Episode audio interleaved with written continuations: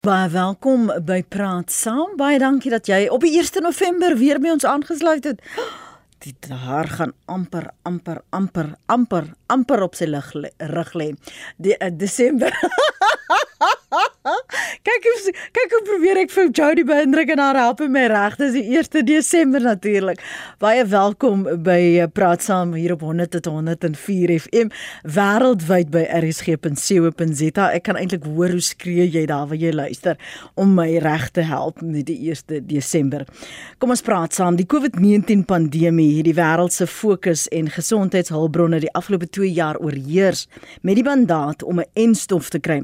Die ander oordraagbare siektes het uit die kollig verdwyn, maar vandag op Wêreldvigsdag kyk ons na die ongeveer 8 miljoen Suid-Afrikaners wat met HIV of vigs leef. Hoe lyk dinge nou te midde van die pandemie en hoe raak dit behandeling en die navorsing wat gedoen word? As jy saam wil gesels, kan jy vir ons SMS stuur. Daardie nommer is 45889 45889. Elke SMS kos jou R1.50. Jy kan ook vir ons stempos stuur op ons WhatsApp nommer. Dis 0765366961 0765366961 0891 uh, andersins ook bel na die ateljee hier in Johannesburg 011714 8021. Ons praat ver oggend met Dr Freek Bester. Hy's 'n internis en 'n mediese navorser. Hy het ook ervaring in die openbare en privaat gesondheidsorg. Goeiemôre Dr Bester, welkom. Môre Lenet. Dankie vir jou tyd. Jy het gesels ook aan die luisteraars. Selfde hier. Dr. Jantjie Taljaard is 'n infeksiesiekte spesialis en veral met aansteeklike siektes. Hy's verbonde aan die Universiteit van Stellenbosch en Tygerberg Hospitaal. Goed om ook weer vir jou hier vanmôre te hê Dr. Taljaard, welkom. Hallo Lenet en hallo Freek. Kan kan jy vir ons dokter Taljard net so medies gesproke verduidelik wat bedoel word as ons praat van oordraagbare siektes want dit is so so wyd soos die Here se genade. Dis korrek. En net jy sê net heeltemal reg. 'n uh, Ander woord is natuurlik aansteeklike siektes. Ehm um, dit is maar net siektes wat van ehm um, een mens na ander oorgedra kan word of van iets anders af na 'n mens oorgedra word. So dikwels van van diere af oorgedra kan word. Ehm um, en of insekte soos malaria byvoorbeeld. En natuurlik dan nou um, daar's verskillende maniere van oordrag tussen mense of van ander aan dele af. Tussen mense kan dit natuurlik uh, deur die lug lugweë versprei word soos COVID-19 of of griep of tuberkulose of uh, uh, mens kan deur bloedprodukte um, aangesteek word. Ons dink daar spesifiek aan aan dinge soos Ebola ehm um, ehm um, selfs hepatitis B en HIV en dan seksuele oordrag waar waar HIV natuurlik 'n baie groot rol speel. Het julle gesien, ek gaan nou by jou kom eh, Dr Bester, het jy gesien met die uitbreek en die hantering en al die onsekerheid met die pandemie met COVID-19 dat tuberkulose byvoorbeeld HIV vigs op die agter uh, been geskuif is? Ja, daar is baie goeie navorsing selfs uit Suid-Afrika uit wat gewys het veral veral in die eerste deel van die van die van die pandemie met die met die ehm um, vlak 5 inperkings dit het baie groot invloed gehad op verskeie dele van die program. En die MEV program het natuurlik het wat die mense moet getoets word, so met ander woorde hulle moet by gesondheidssentrum kom uh, waar iemand hulle dan nou motiveer om het, om 'n toets te kry. Ons wil soveel as moontlik mense toets sodat hulle hulle status sal sal sal ken. En dan wil jy natuurlik voorkomingsdienste aanbied. Jy wil behandeling gee en dan wil jy daai behandeling opvolg om seker te wees dat mense op hulle op hulle medikasie bly. En al daai dele van die program het dit erg skade gelei um, vir al die die die die toets van nuwe uh, diagnoses, die die nuwe infeksies is gemis. Uh, dit het later verbeter vir al die behandeling en en uh, die voorkomingsdienste, maar daai groep wat gemis is aan die begin. Mm. Uh, ons sien nou die die kom, die komplikasies en die gevorderde HIV siekte wat nou opgeneem word in die hospitale. En dit dit, dit skep 'n groot probleem en dit is natuurlik baie moeilik om om dit vir daai mense se lewens te red. Ek herinner my dokter Bester dat daar verwysings en stories was wat gesê het mense veral um, die wat hulle medikasie moes kry het sommige het opgehou medikasie gebruik. Sommige was onseker of hulle moet uh, medikasie gebruik. Wat was van die onsekerhede van van daardie eerste helfte toe ons met hierdie COVID-19 begin stoei het? Nou net soos jy reg sê dit wat jy uh, uitgewys het nou het bepaald gebeur. Uh op die stadium is ek in 'n kliniese situasie en ek kan miskien net verduidelik wat gebeur het. Uh veral aan die begin van die epidemie maar nog steeds.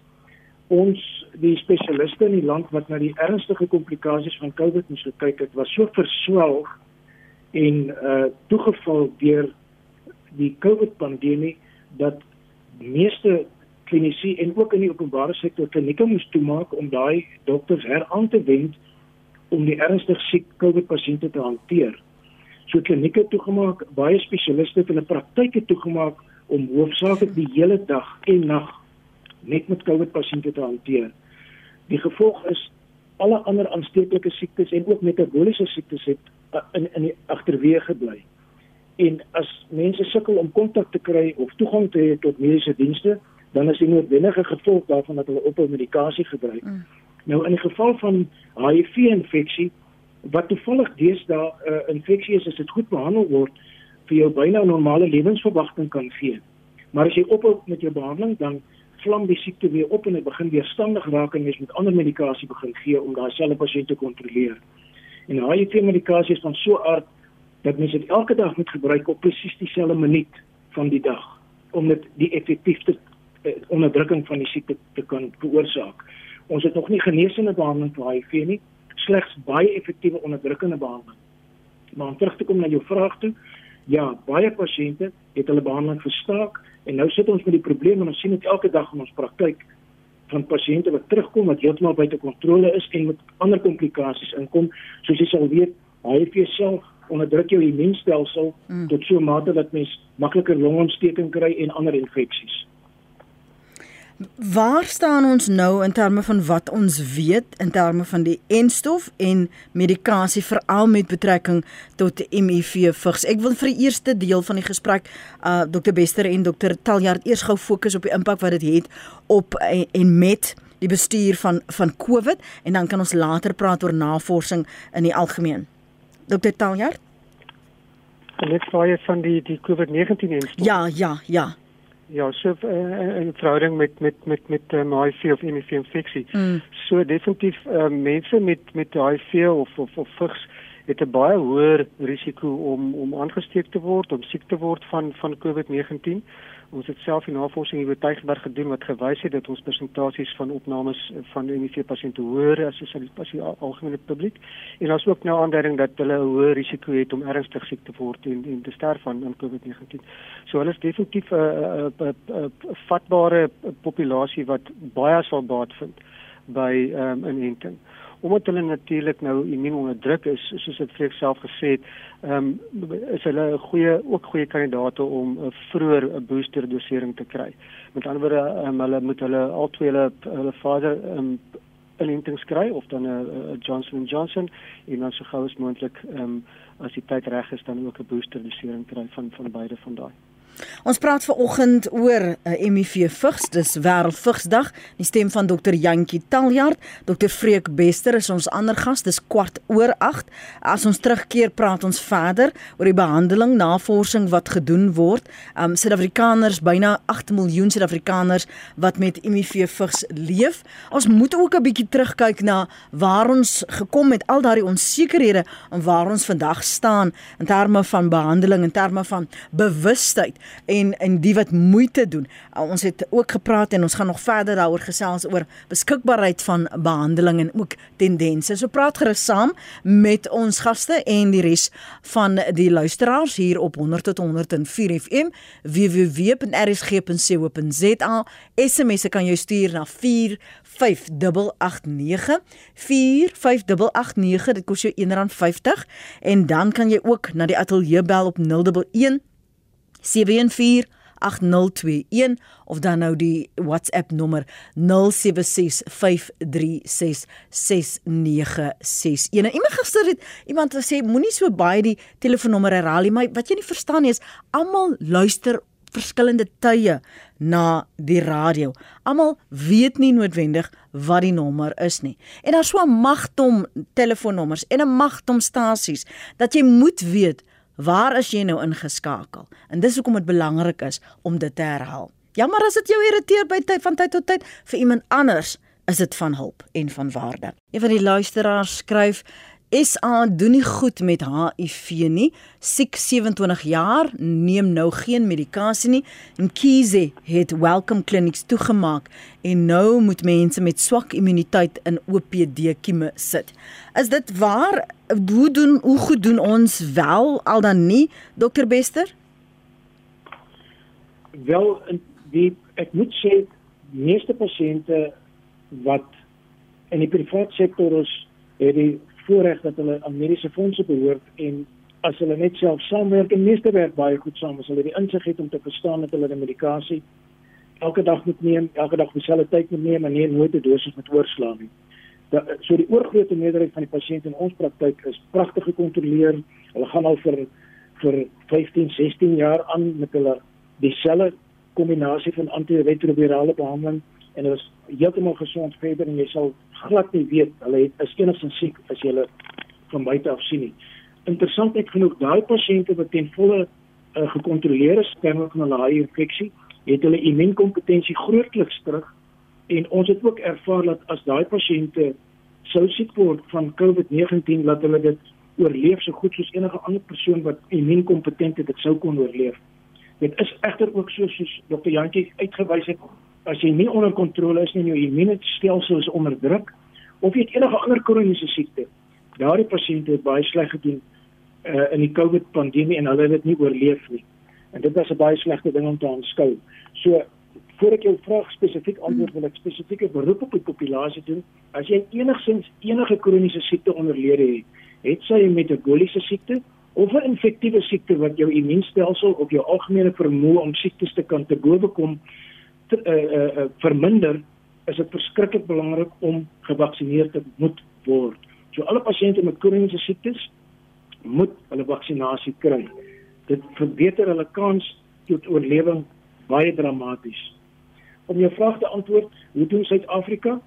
Uh dit is 'n baie moeilike vraag om te antwoord, maar ek sou sê ons kan baie beter doen. En ongelukkig is dit so dat ons gesondheidstelsel in die algemeen in hierdie land ook onderwerp was aan baie korrupsie, dat baie geld weggeraak wat skade gemaak het aan die klinieke, aan die openbare klinieke. Mens sou sou wil hê dat geld beter aangewend word in die openbare sektor en ook in die private sektor natuurlik en nie weggeraak na enkel persone met groot bedrag geld nie, maar vir die populasie aangewend word tot hulle voordeel onder andere ook vir HIV behandeling. Hmm. In jou mening dokter Jantjie, hoe, hoe vorder ons? Ja, ek dink mens kan altyd kritiek lewer, mens mm. kan altyd die gaping sien en op 'n individuele vlak kan ek kan ek heeltemal verstaan wat die luisteraar ehm, 'n um, negatiewe um, ervaring het.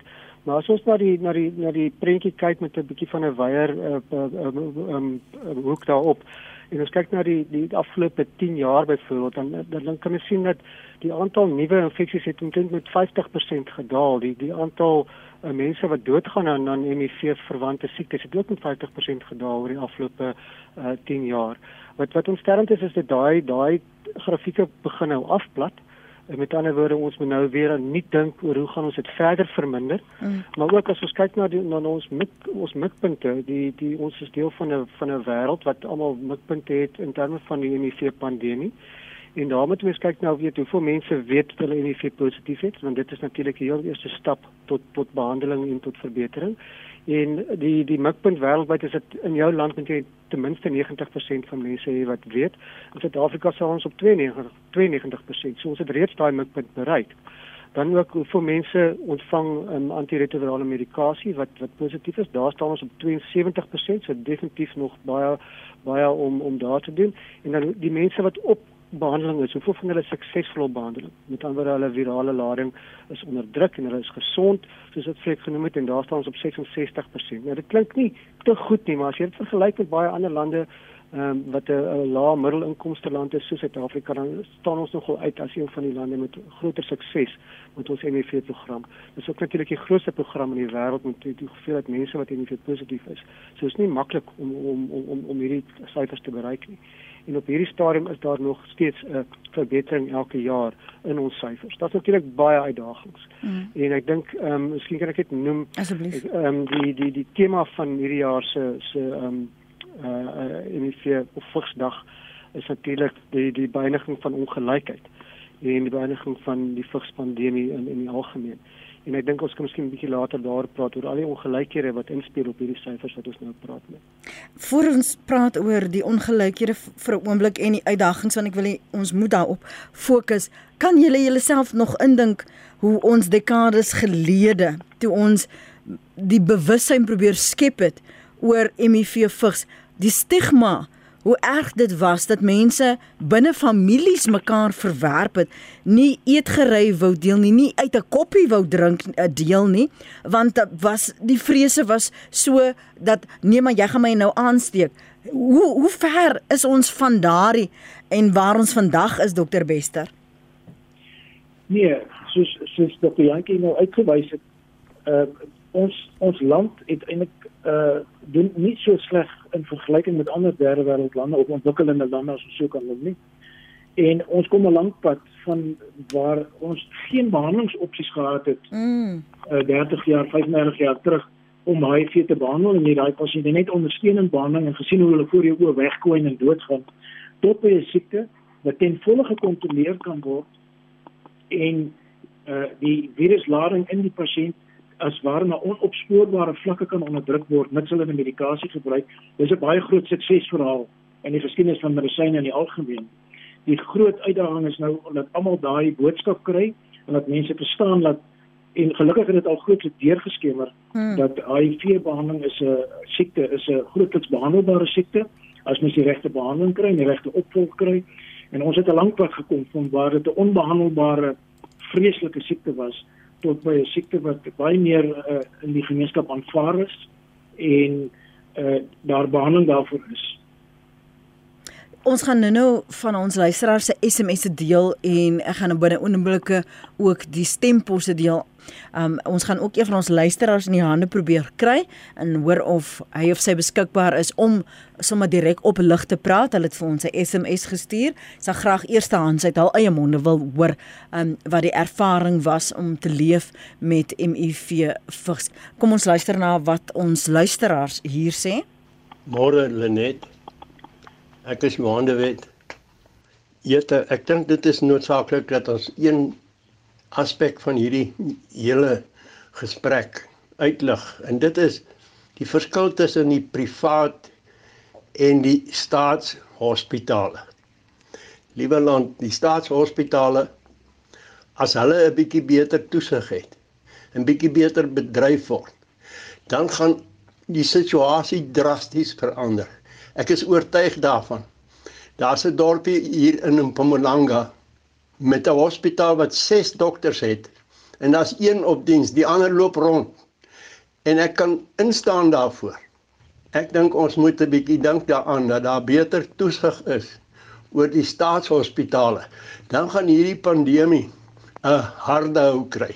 Dankie groete. Goeiemôre. Um ja, julle praat oor oordraagbare siektes en um die gevolge daarvan vir my en baie ander Suid-Afrikaners is dit ons ons wil graag weet al ons ken eintlik die antwoord hoe mense vigs kry. En as ons kyk na die tiener swangerskappe in Suid-Afrika wat ook van die hoogstes in die wêreld is, moet ons ons dalk begin afvra, moet dit nie dalk moet ons nie dalk dalk teruggaan na die verlede waar dit 'n skande was om vigs te kry nie, want deesdae lyk my dink die jong mense ag wat ek kan maar vigs kry daar is pille wat ek kan drink en dan lewe ek nog steeds 100 jaar. So jammer ek, ek klink kras maar as as ons nie kies ek wil amper sê 'n strafmaatreël aan aan dit gaan heg nie. Want dit is tog die oorsaak van van van vigs. Mense loop nie in die straat en 'n muskiet byt jou en jy kry vigs nie. Dis jou eie skuld dat jy vigs kry.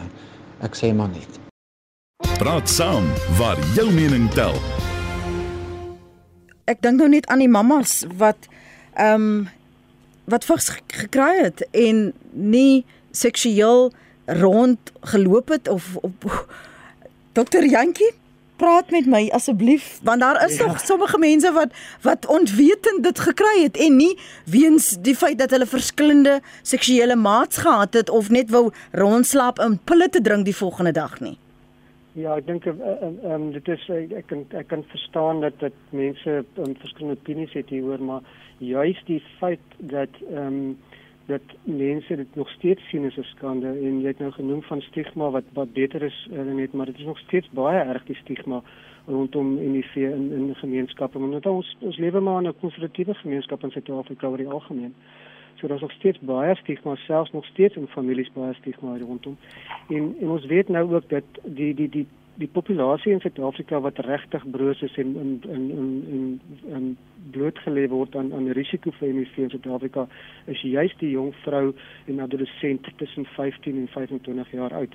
En en deel van die rede hoekom hulle uh, nie toegang het tot sorg nie of of nie die sorg ehm um, ehm um, na na klinieke toe gaan nie is omdat hulle ehm um, omdat daar stigma is van die gesondheidswerkers um, op hulle van hulle familie wat wat wat wat, wat ook ehm um, um, hulle beoordeel en hulle gaan nie vir uh, voorbehoed medikasie nie want jy weet jy gaan na jou, jou kliniek toe en is miskien jou jou tannie of 'n uh, baie goeie uh, vriend wat die suster daar is en so jy kan nie sin toe gaan nie want sy gaan vir jou jy sê gaan jou oordeel met um, met jou seksuele aktiwiteit.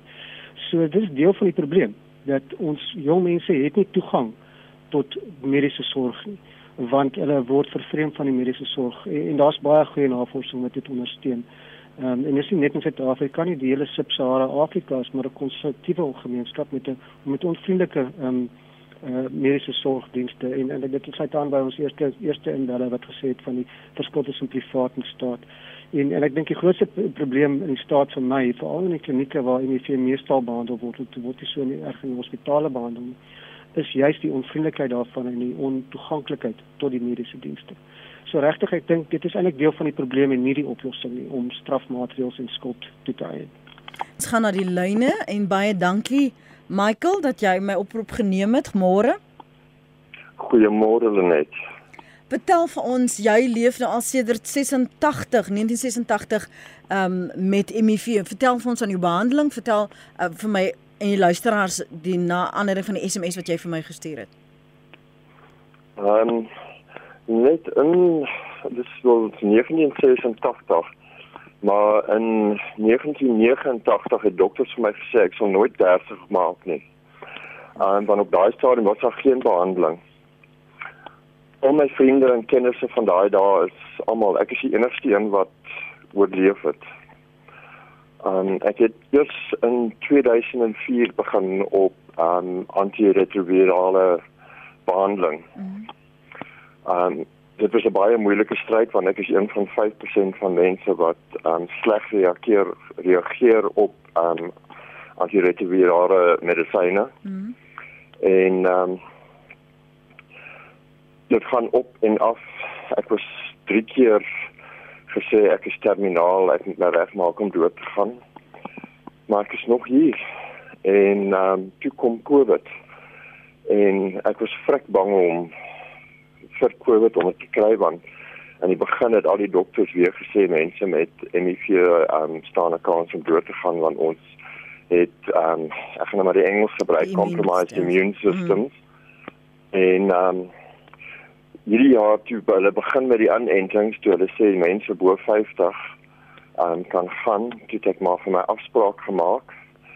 En einde Julie het ek gegaan vir my inenting. En twee weke later toe lê ek vreeslik siek van COVID. Of skiet as ek emosioneel was mm. natuurlijk baie siek van COVID. Dit is ag dae van hel. Mm. maar ek het dit oorleef en ongelukkig omdat ek my immuunstelsel um, in 'n swak toestand was en toe met COVID boop was dit my longe nie eintlik herstel nie 'n maand later toe kry ek 'n bakteriese infeksie in my longe. Mm -hmm. Ek sukkel nog steeds om van die infeksie uit te kry uit my longe uit. Maar vandag op verstaan 35 jaar later moet ek sien ek is nou al 'n tweede keer deur 'n pandemie en ek het albei oorleef. Hmm.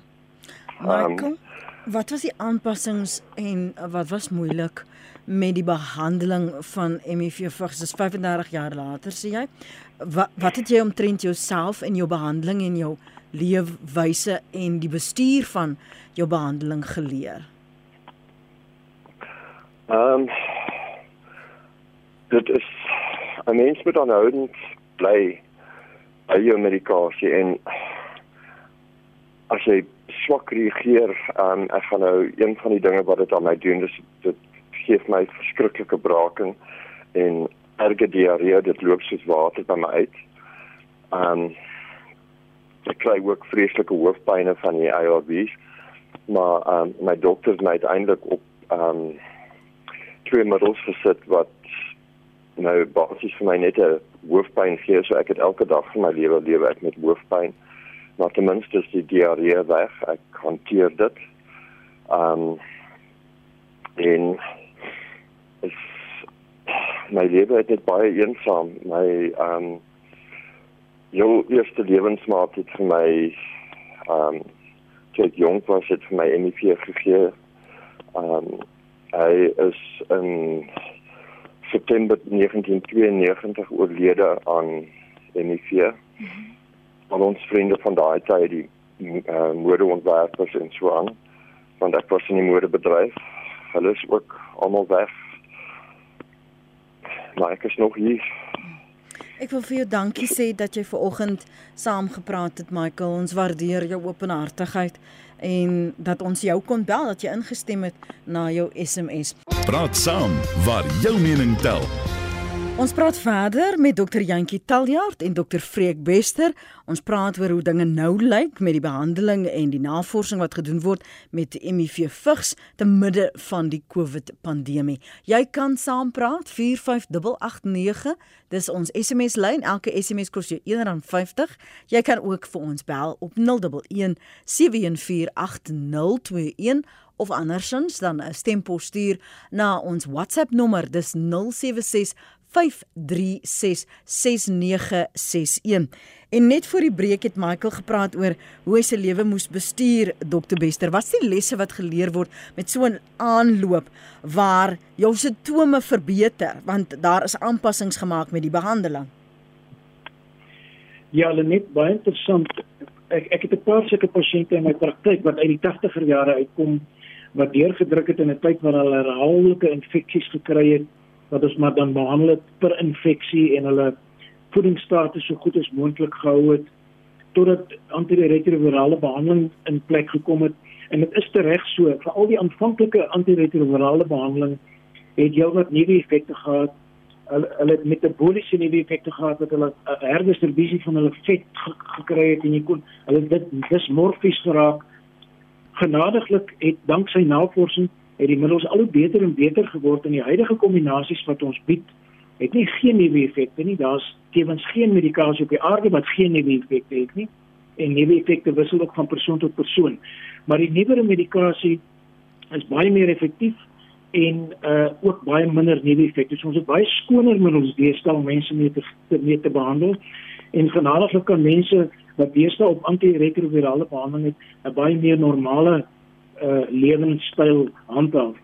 Dit is ook so as mens se se spesifieke watseltelling in jou bloed verhoog het na 'n bepaalde vlak toe, dan is dit 'n groot mate jou immuniteit herwin en dan is 'n siekte soos COVID makliker om te bowe te kom. Uh ek sou aanvaar dat die pasiënt se immuniteit al wat beter sou gewees het want hy hoewel hy baie sleg gedoen het met die COVID het hy dit oorleef danksy die feit dat hy sy antiretrovirale medikasie geneem het en ook danksy die feit dat hy reeds 'n immunisasie gehad het wat hom wel 'n bietjie beskerming hoewel hoewel nie ten volle nie want hy het nog nie uh, genoeg weke geloop om sy immuunstelsel goed te sensitiseer teen die COVID virus nie. Kon hy dit oorleef? Maar hierdie is 'n klassieke storie wat ek baie van het in my praktyk van pasiënte wat 'n lang moeisame pad geloop het met daai HIV-infeksie maar al gaan al hoe beter en beter geword het en vandag eintlik 'n grootliks normale lewe lei en uh kan aangaan met hulle eie aktiwiteite sonder om heeldag te dink aan die HIV. Hmm. Wat is van die navorsing in in hierdie veld wat wat vir jou opgewonde maak, Dr Bester? Ja, die ideale medikasie sou wees wat die virus kan eradikeer. Hmm. Daar bestaan nog nie sulke middels nie. Daar word deurgangs wêreldwyd navorsing gedoen om by so 'n punt uit te kom wat mens die virus die taal uit mens liggaam uit kan behandel dat mens genees daarvan. Die probleem met die HIV virus en jantjies of ons baie meer daaroor kan sê is dit is 'n baie skelmer virus as die COVID. Hy verander heeltyd sy buitewand tot so 'n mate dat as mense 'n uh, uh, vaksin sou ontwikkel daarteen, dan verander hy daai deel so vinnig dat as mens gevaksinereer is daarteen dat jou immuniteit immuunstelsel nie die nuwe HIV virus gaan herken nie want dit alweer verander tot so 'n mate dat hy onherkenbaar is. Dis die probleem wat ons met vaksines het in die, in die, by die HIV virus is 'n baie meer varieerbare virus mm. as die COVID variante wat ons kry. En genadiglik is die COVID nie so erg varieerbaar nie anders sou ons daai nagmerrie ook moes te bowe kom in die geval van die COVID virus. Hy is minder varieerbaar hoewel hy ook variante doen. Dis 'n inherente uh uh eienskap van alle virusse om die hele tyd te muteer na ander variasies toe. Uh sommige virusse meer as ander en die HIV virus is vir alle virus wat verskriklik muteer die hele tyd en dit veroorsaak dat ons baie moeilike enstof teen hom kan kry en ook 'n genesende tipe behandeling. Maar wat my opgewonde maak, ons het baie goeie behandeling deesdae wat baie vinnige pasiënte viruslading in sy bloed na onopspoorbare vlakke toe kan dryf, dat die virus net kan weg kruip in die pasiënt se immuunstelsel en sy limfnodes en so aan en op dié manier kan 'n persoon 'n grootliks normale lewensverwagting hê met 'n normale lewenskwaliteit. Dit maak my opgewonde. Mm. HIV is een van die suksesverhale van die moderne wêreld. As jy praat, jy het vroeër daarna verwys dat kliëntjie daar nog steeds baie uitdagings is want jy leef in 'n wêreld met soveel ongelykhede en ek dink Johan wat verwys dit na die die sorg wat jy in privaat praktyk byvoorbeeld sal kry uh, teenoor die behandeling wat jy in 'n staatshospitaal of of 'n kliniek sal kry dat die die vordering is stadig maar daar maar daar's hoop. Ja, nee, daar's baie hoop en ek moet daar 'n perspektief gee. Ja Um, ons het ongelooflike goeie MEV klinieke en MEV klinisi wat in die staatsklinieke werk. Uh, susters en dokters wat spesifiek opgelei is om MEV en TB te behandel. Ek dink is on, uh, dat is ongekend dat mense op daai vlak so 'n hoë sorg bied um, in 'n in 'n staatsopset. So ek dink regtig mense moenie net almal onder dieselfde kam skeer nie. Ons regtig baie goeie dokters en klinieke ehm um, um, wat wat sorg vir pas, pasiënte. Dit is hoekom ons by daai getalle kan uitkom wat ek vroeër genoem het. Mm. Ek wil net ek wil net nie meer van die groot uitdagings en ek dink dit is 'n aangrypende storie wat Michael vertel het en wat my aangegryp het is dat hy gesê het sy lewe is alleen. En ehm um, dit is dit is regtig aangrypend en dit wys vir jou nog steeds dat daar soveel stigma nog steeds rondom die siekte is. En ehm um, dat mense regtig eh, 'n uh, moeilike uh, pad loop nog steeds ten spyte van dit ons dink dat alles is nou is nou in die oop en is soveel beter. So daar's regtig nog 'n groot pad om te te, te loop op die sou ek sê 'n sosio-kulturele vlak mm. om van hierdie ongelykhede ontslae te raak. Die ander ongelykhede wat wat wat wat betreffend is veral in Suid-Afrika het ek vroeër net aan geraak en dit is die die ehm um, stigma wat uh, aan seksualiteit geheg word veral aan jonger jonger mense en adolessente en dat hulle vervreem word in in in die stelsel. Maar nie net dit nie, ook die die die weer eens seker maar die korrekte woord sou ek weet nie sosio-kultureel die die feit dat jong jong vrouens ook um, oor generasie gapings um, seksuele verhoudings het wat natuurlik verband hou met met um, armoede, werkloosheid en um, dis onder wat hulle noem kontraktuele seksuele verhoudings. Mm. Dit speel ook 'n groot rol um, nie net in Suid-Afrika nie, maar die hele Sub-Sahara Afrika. En daai ongelykhede vir veral teenoor vrouens is is nog baie baie groot in ons omgewing. En um, dan het ook natuurlik ook die ongelykhede in in in opvoeding ons skoolstelsel. COVID het weer eens 'n slag gelewer daar want ons weet dat een van die dinge wat jou beskerm teen HIV en vigs is is 'n opvoeding. Ehm um, mense het later kinders, jy het jy het minder HIV infeksie in mense wat um, wat opgevoed is. Mm. So ons opvoedingsstelsel is ook 'n groot ehm um, um, ongelykheid in in Suid-Afrika spesifiek uh, veral in die meer plattelandse areas um, maar uh, ook in in, in natuurlik in die stede. So definitief dit is 'n groot ding. Uh, net as ek mag kan ek net miskien ook sê van die van die navorsingsdinge wat my wat my opgewonde maak is die uh, die voorkomende behandeling wat 'n mens nou kan gee. Mhm. Mm wat hulle PrEP noem of sogenaamde pre-exposure prophylaxis of voorblootstellings um, um, voorkomende behandeling. Dat jy 'n pilletjie kan drink elke dag en sodoende kan jy beskerm word en dit is regtig van groot waarde in mense wat in verhoudings is waar een persoon positief is en die ander persoon negatief is. Ehm um, ook in in in in sekswerkers is dit baie groot um, voordeel en in, in in alle mense wat eintlik 'n hoë risiko is vir die opdoen van HIV is die voorbehandelings ehm um, ehm um, um, uh voorkomende behandeling baie baie groot waarde. Dan ook dan is daar 'n nuwe medikasie wat ontwikkel word, is nog nie heeltemal beskikbaar in Suid-Afrika nie, maar dit is 'n inspuiting wat jy kan kry wat ehm um, dan vir 2-3 maande werk. So dit gaan groot in 'n impak hê op op op iemand wat ehm uh, nie aktief elke keer van die werk af kan afvat nie, wat nie vervoer het na 'n kliniek toe nie, wat ver van die kliniek of die hospitaal af is. En en, en daai behandeling dink ek gaan ook 'n groot impak hê binne die volgende 5 uh, jaar. Ehm um, so dit is vir my van die groot deurbrake. Ehm um, maar ook dan nou uh ek dink die die die heeltemal die die die feit dat ons ten minste nog kan praat daaroor op die radio en ja. in die in die in die in die in gesprek nog steeds daar is is baie belangrik ook. Die inspuiting is dit al beskikbaar in ander lande? Die die navorsing is al eintlik gedoen. Mm -hmm. Dis net dis net 'n kwessie van om om om nog te kyk na wat die impak gaan wees uh, op die medium tot langtermyn om te kyk na na weerstandigheid wat ontwikkel teen die medikasie en so. Maar ja, dit is al beskikbaar in 'n beperkte um um vlak. Hoe praat ons met gemak en respek as jou um lewensmaat of 'n maat of of 'n gesinslid, familielid wel met HIV ly of jy gaan in 'n nuwe verhouding, jy het nou verwys na hierdie preppilletjie. Hoe praat ons tog met respek met mekaar oor status, veranderende status of 'n status wat ontdek word en behandeling en die impak daarvan. Geef ons 'n bietjie leiding daar. Jantjie? Ja. So moeilik en ek dink almal dit dit is dit is amper 'n persoonlike ding is dit nie, maar ek dink ek dink die woord wat jy genoem het is eintlik maar die antwoord en dis respek. Ehm um, mens moet probeer verstaan uh jy weet uh jouself natuurlik opvoed met die feite, ek dink dit is baie belangrik. Uh uh, een belangrike ding wat ek dink baie mense nie besef nie is dat uh die die die konsep van as jy op medikasie is en so strikt laat vroeër gesê het en jou jou jou virale lading is onbespeurbaar is jy nie aansteeklik nie. Ehm um, jy jy kan eintlik streng gesproke onbeskermde seks hê en en jy sal nie aansteek by daai persoon nie. So dis 'n groot groot nuwe navorsing ook wat ek eintlik moet noem is dat die die hele konsep van behandeling as voorkoming. Ja. So hoe meer mense ons behandel en kan onderdruk, hoe minder sal daar verspreiding van die siekte wees en uiteindelik sal ons die pandemie kan stop. So dis ook 'n baie belangrike ding, maar ek dink die feite is baie belangrik mm. om so 'n gesprek te hê. Mense weet dat met mense met feite praat en net om emosie nie en dan soos jy gesê het respek.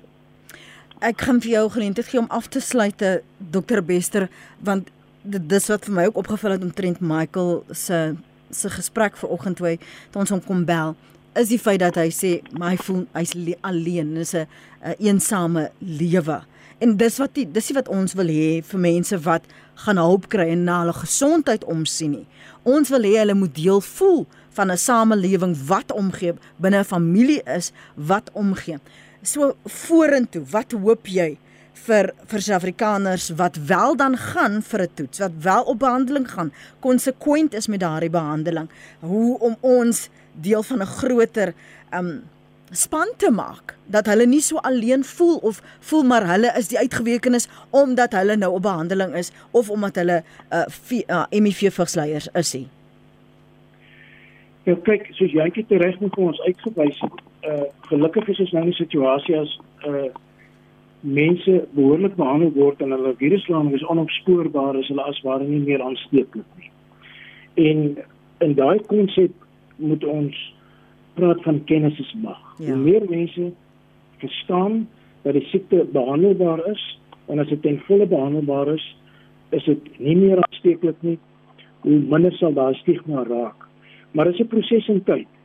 Uh ongelukkig sit ons met sosiale media deesdae wat 'n baie groot hoeveelheid vals inligting versprei van baie siektes, nie net van HIV nie. So dit is ons as gesondheidswerkers se plig om so ver as moontlik en so wyd as moontlik die boodskap te dra as dit kom by HIV infeksies is dit 'n mooi storie. Die pasiënte is behandelbaar en as hulle behandeling reg neem, is hulle kan hulle normale lewensverwagting buite isolasie hê. Ek onthou en herinner my aan 'n paar jaar gelede, uh, eh, Dr. Jantjie waar mense gesê nee maar ons hoef nie meer hieroor te praat nie. Hulle het mos nou pille, ons hoef nie meer hieroor te praat nie. Daar is genoeg wat gegee word dat dit 'n mode geraak het om te sê hiervoor gee ons geld. Word daar nog befondsing wel uh, gegee toegestaan vir nuwe navorsing uh, en vir uh, uh, lande wat uh, sukkel met behandeling of beskikbaarheid? Ja, nee, daar is definitief nog baie um, befondsing beskikbaar. Mm. Uh, ek dink die befondsing het effens geskuif na tuberkulose toe. Uh, en natuurlik na na COVID-19 toe ook, maar maar daar's nog baie vir vir HIV navorsing en veral met hierdie nuwe bevindinge die die meer hoë vlak van navorsing met met met met uh, hierdie nuwe middels wat ek nou genoem het mm. en ook die sosiale impak, uh, hoe meer sosiaal kan impak maak op voorkoming. Daar's baie navorsing daaroor, maar daar's nog baie goeie befondsing, ja. Baie dankie. Ek weet julle albei is baie besig. Ek waardeer julle beskikbaarheid vanoggend op praat saam met ons hierdie gesprek kon hê. Dit was Dr. Jantjie Taljaard. Hy's 'n infeksiesiekte spesialis in aansteeklike siektes verbonde aan die Universiteit van Stellenbosch en Tygerberg Hospitaal en Dr. Freek Bester, internis en mediese navorser, 'n baie ervaring in openbare en privaat gesondheidsorg. Dankie vir julle tyd en sterkte met die werk wat julle doen. Mooi bly.